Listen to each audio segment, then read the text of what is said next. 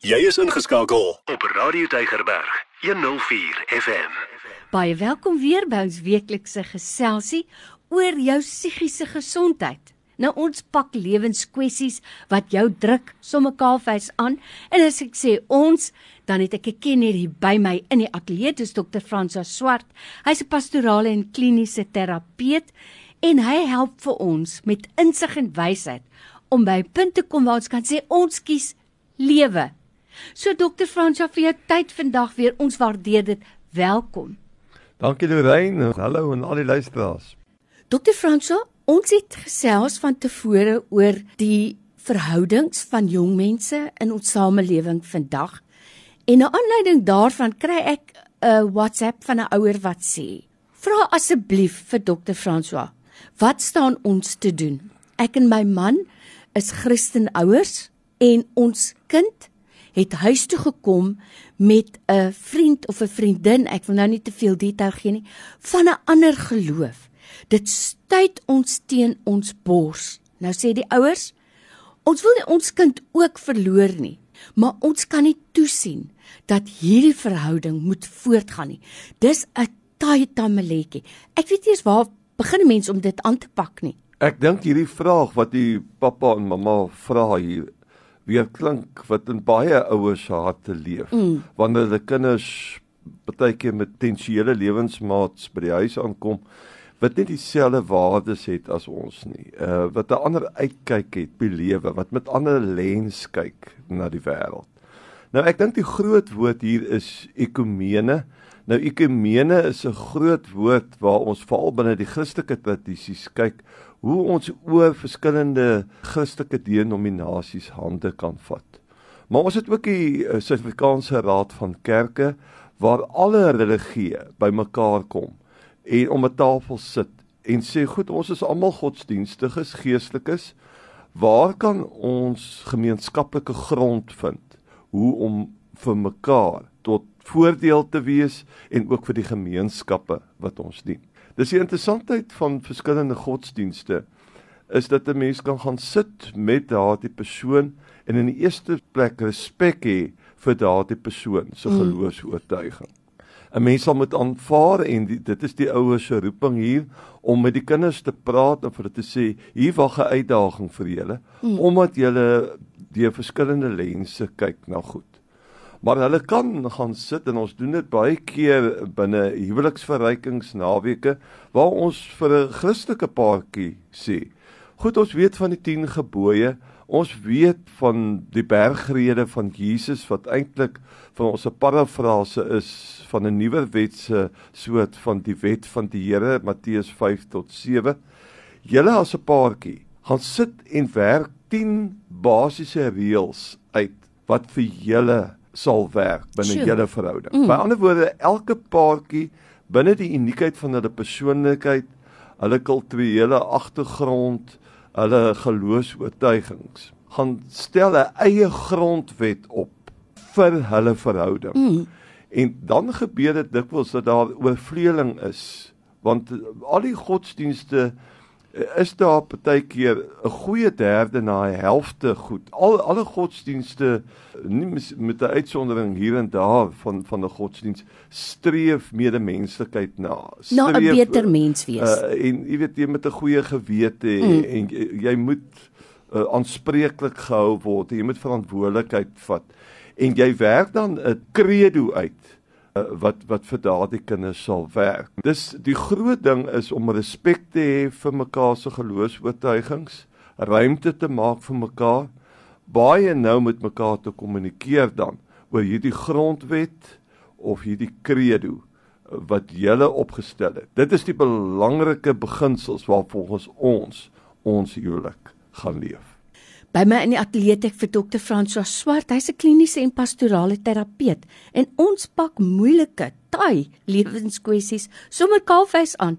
Ons wil vir jou help om op 'n beter plek te kom om te sê ek kies lewe. Nou dokter François soos gewoonlik is daar weer so baie pitkos opgesluit in wat jy nou net gesê het en dit herinner my aan twee dinge. Die eerste een is, ek luister nou die dag na 'n man wat 'n derde generasie produk is van 'n baie sterk geloofs-oortuiging. En hy gaan na 'n pastoor toe met die bedoeling om hom te bekeer, want sê hy vir homself, dan hy's 'n invloedmaker, dan kan ek dalk sommer baie vliee met een klap slaan. En hier's die interessante ding. Hy sê hierdie pastoor het vir my gesê, "Vertel vir my wat jy glo." Hy sê hy het my nie een keer in die rede geval nie. Hy het net geluister met respek en deernis. Nou uiteindelik was dit wat hierdie man tot bekering en tot 'n ommekeer gelei het. So dis baie belangrik wat jy nou daar gesê het, respek en deernis. 'n Tweede ding waaraan ek gedink het Dr. François is, dis al klare uitdaging om twee kykens uit verskillende neste in een hokkie saam te gooi en te sê bly nou maar lekker, hoor, julle moet sterk staan. Vat nou maar net 'n taalkwessie kan 'n uitdaging wees.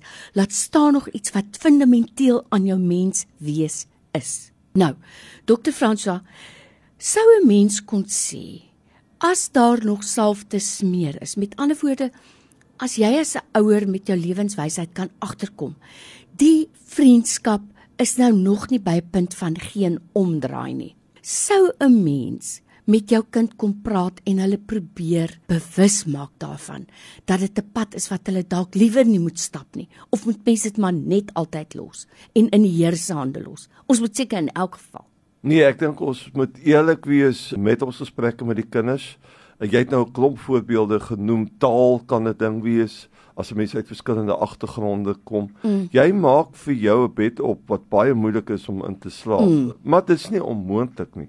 Dis die kort antwoord op jou vraag is dat die oues sê, weet julle, miskien moet julle weer gaan dink. Is dit regtig wat julle moet doen? Hulle moet verstaan hoe werk die huwelik tussen man en vrou, die agt fases wat ons graag ook vorentoe in 'n program wil praat, waar dit oor huwelik gaan en dan moet behoorlik met hulle in gesprek getree mm. word. Ek dink die inbring van 'n professionele persoon is mm. ook baie belangrik om saam met die ouers en die kinders te praat oor wat die uitdagings is ja. as hulle hierdie pad gaan loop. Maar dit is nie onmoontlik nie, mm. maar ek wil graag afsluit met die wonderlike ding en dit eintlik versterk wat jy gesê het.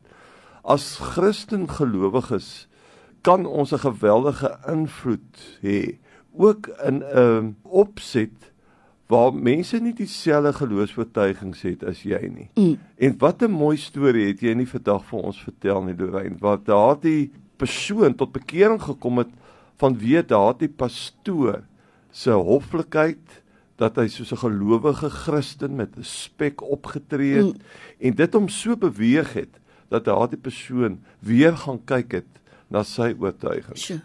Dis ek dink dit is die uitdaging van Christen wees is dat jy dan binne in daardie huwelik jou Christendom ten volle moet kan uitleef. Dit is natuurlik baie belangrik en dit is nie onderhandelbaar nie. Binne in daai verhouding moet daar ruimte gegee word sodat daardie paartjies hulle godsdienstige oortuigings met vrymoedigheid kan uitleef sonder dat die ander een dit verhinder vir sy lewensmaat. Maar dis 'n tamaletjie ja. en vir daardie ouers hou aan om met julle kinders in liefde, met deernis, met respek en met begrip na hulle situasie te luister.